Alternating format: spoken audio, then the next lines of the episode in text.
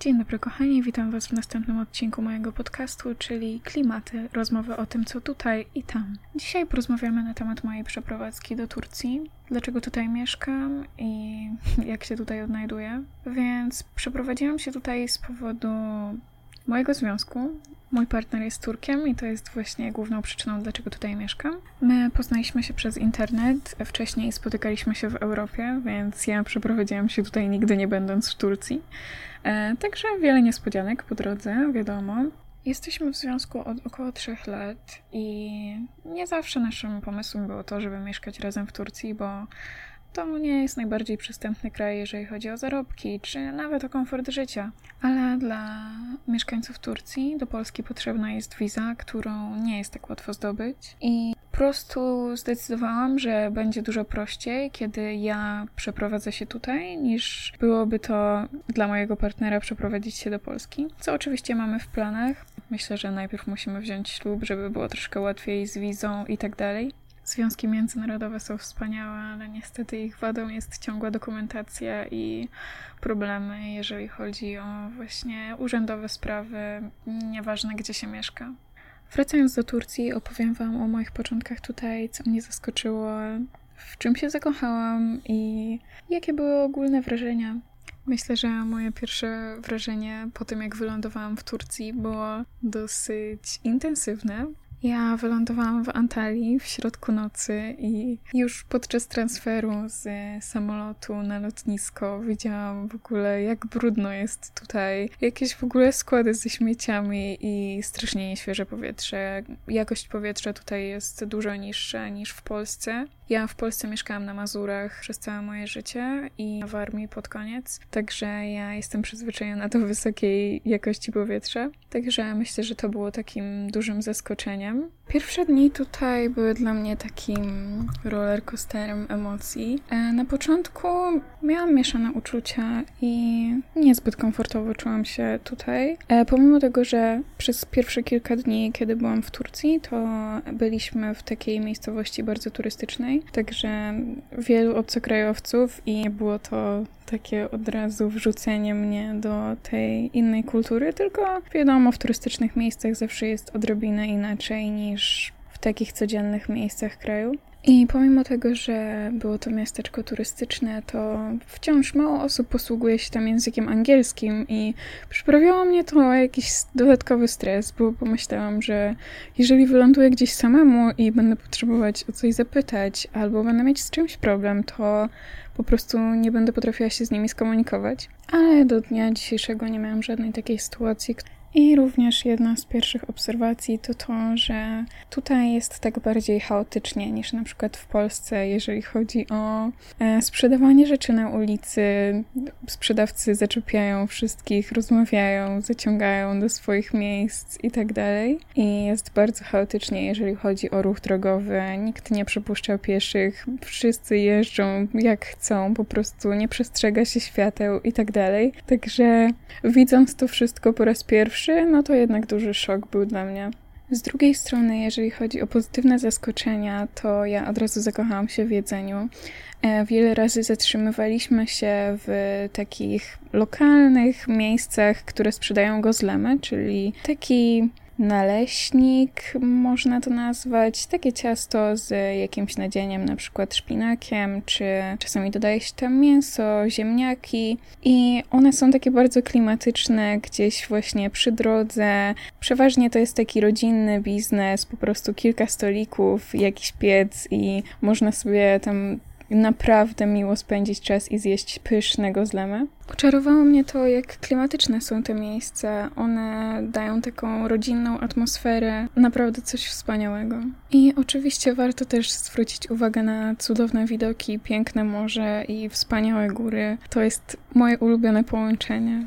Po przyjeździe z Antalii do Aydın, miasta, w którym mieszkamy, e, moje wrażenia na temat Turcji się bardzo, bardzo zmieniały. E, tutaj jest mało turystów, życie jest takie bardziej spokojne, dłużej tego zaczepiania na ulicy i jest tak bardziej klimatycznie. Tutaj szokującym elementem dla mnie było to, jak wąskie są uliczki, jak bloki i wszystkie budynki są bardzo blisko siebie. Jest bardzo mało wolnej przestrzeni w centrum miasta. Wszystko jest bardzo blisko, bardzo skupione. Jest bardzo dużo samochodów i bardzo chaotycznie. Wszędzie jest głośno, wszędzie jest tłoczno, co nie zawsze jest wadą. Ja uważam, że to jest ciekawe. To miasto, pierwsza rzecz, którą powiedziałam do mojego partnera po tym, jak przyjechaliśmy tutaj, że to miasto wydaje się takie żywe, że tutaj ludzie naprawdę żyją, mieszkają, pracują i to była właśnie różnicą pomiędzy tym turystycznym miasteczkiem, w którym byliśmy na początku.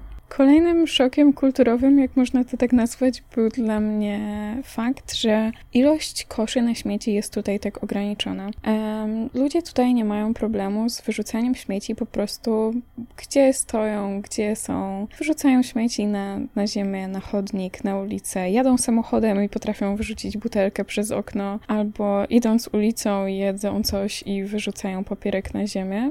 Dla mnie to jednak było szokujące. Oczywiście nie wszyscy postępują w taki sposób, ale jest dużo takich przypadków. Ale właśnie ja myślę, że to jest winą tego, że jest tak mało koszy na śmieci. Trzeba przejść po prostu kilometr ze swoim papierkiem od batona, żeby mieć miejsce na jego wyrzucenie. Turcy, mam wrażenie, w ogóle mają inne podejście do czystości. Na przykład dla nich bardzo ważne jest to, żeby w domu było bardzo czysto. Odkurzają bardzo często i w ogóle taka obsesja sprzątania tutaj jest. Ale jeżeli chodzi o przestrzenie na zewnątrz, na przykład ogrody, czy właśnie chodniki, czy jakieś takie działki, to nie obchodzi ich to. Mogą być tam śmieci wszędzie i właśnie na swoich takich przestrzeniach na, na dworze też nie za bardzo utrzymują porządek. Oczywiście nie wszyscy, ale jednak jest to bardzo powszechne tutaj. Jeżeli chodzi o cechy pozytywne, to myślę, że jest to turecka gościnność. Witają wszystkich bardzo otwarcie, są ciekawi, chętni do rozmowy, przejmi i rzadko się zdarza, żeby czuć od nich jakąś niechęć. Jak odwiedziliśmy ciocię mojego partnera, to przywitała nas po prostu jak jakichś celebrytów. Ja sobie żartowałam, że przyjechaliśmy tam jak jakaś para prezydencka. Robiła nam zdjęcia, po prostu zastawiła cały stół od razu. Pomimo tego, że przyjechaliśmy tylko na jakąś tam herbatę przysłowiową, to była zachwycona, bardzo miła, bardzo otwarta, zadawała mnóstwo pytań, ciągle uśmiechnięta, zrobiła nam setki zdjęć, po prostu bardzo, bardzo otwarci ludzie. Pomimo, że to starsza osoba, to nawet próbowała ze mną rozmawiać po angielsku. Jak wręczyłam jej czekoladki, to e, dziękowała po angielsku. Także wspaniale widać w nich taką energię do życia. Tutaj też, jeżeli chodzi o sąsiadów, to jest tak jak kiedyś w Polsce, są bardzo mili przyjaźni. Jak się tutaj wprowadziłam, to nasza sąsiadka przyszła, przywitała mnie, przyniosła nam ciasto, chciała mnie zobaczyć, zapytać, jak się tutaj czuję i tak dalej. Także bardzo miłe doświadczenie. Ludzie w sklepach też często pytają, skąd jestem, bo wiadomo, wyglądam troszkę inaczej, bo jak mówiłam, to nie jest miejsce turystyczne, jest tutaj mało turystów, rzadko widzą kogoś z zagranicy i są ciekawi, po prostu zawsze pytają, jak tutaj jest i jak z mojej perspektywy widzę Turcję. Mój kolejny ulubieniec w Turcji to turecki bazar. Uwielbiam, po prostu to jest mój ulubiony dzień tygodnia. Mają świetne ubrania, bardzo przystępne ceny, um, bardzo mili ludzie. Wyjście na bazar zawsze jest dla mnie jakąś taką atrakcją. E, też często właśnie mam jakieś fajne konwersacje z ludźmi, którzy tam sprzedają i uwielbiam po prostu tam być. Uważam, że ma to taką niepowtarzalną atmosferę i na przykład raz poszliśmy tak pod koniec bazaru, kiedy było już tak pusto i ktoś tam włączył jakąś muzykę, było bardzo mało osób, fajny wiaterek, po prostu nie aż tak gorąco, bez tych wszystkich tłumów. To ma taki klimacik, czasami właśnie przypomina mi taką Polskę z mojego dzieciństwa, kiedy tam się chodziło na jakieś targi, rynki i ludzie byli otwarci, lubili ze sobą rozmawiać i ma to jakąś nostalgię w sobie.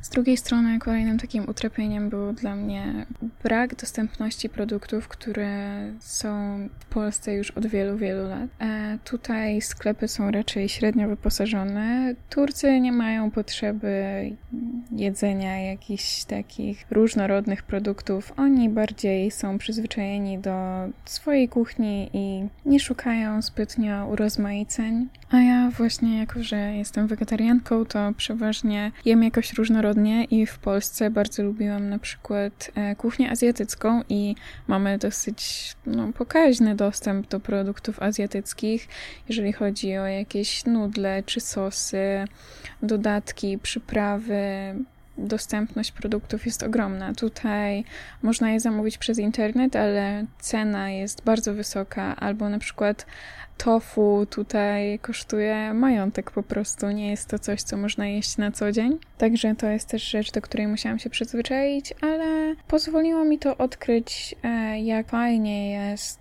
jeść prosto, po prostu szukać nowych przepisów i urozmaicać codzienne rzeczy, jak wiele rzeczy można zrobić z bardzo prostych składników. Myślę, że nauczyło mnie to też takiej pokory, jeżeli chodzi o właśnie konsumpcjonizm, że nie trzeba mieć tak wielu produktów i nie trzeba mieć tak wielkiej dostępności wszystkiego cały czas z całego świata. Czasami fajnie jest po prostu skupić się na tym, co mamy tutaj i na tym, co jest sezonowe. Podoba mi się to, że oni tutaj jedzą to, co jest w sezonie. Nie tak jak w Polsce, że nie wiem, można sobie w maju kupić brokuły i kalafiory albo figi w styczniu, prawda?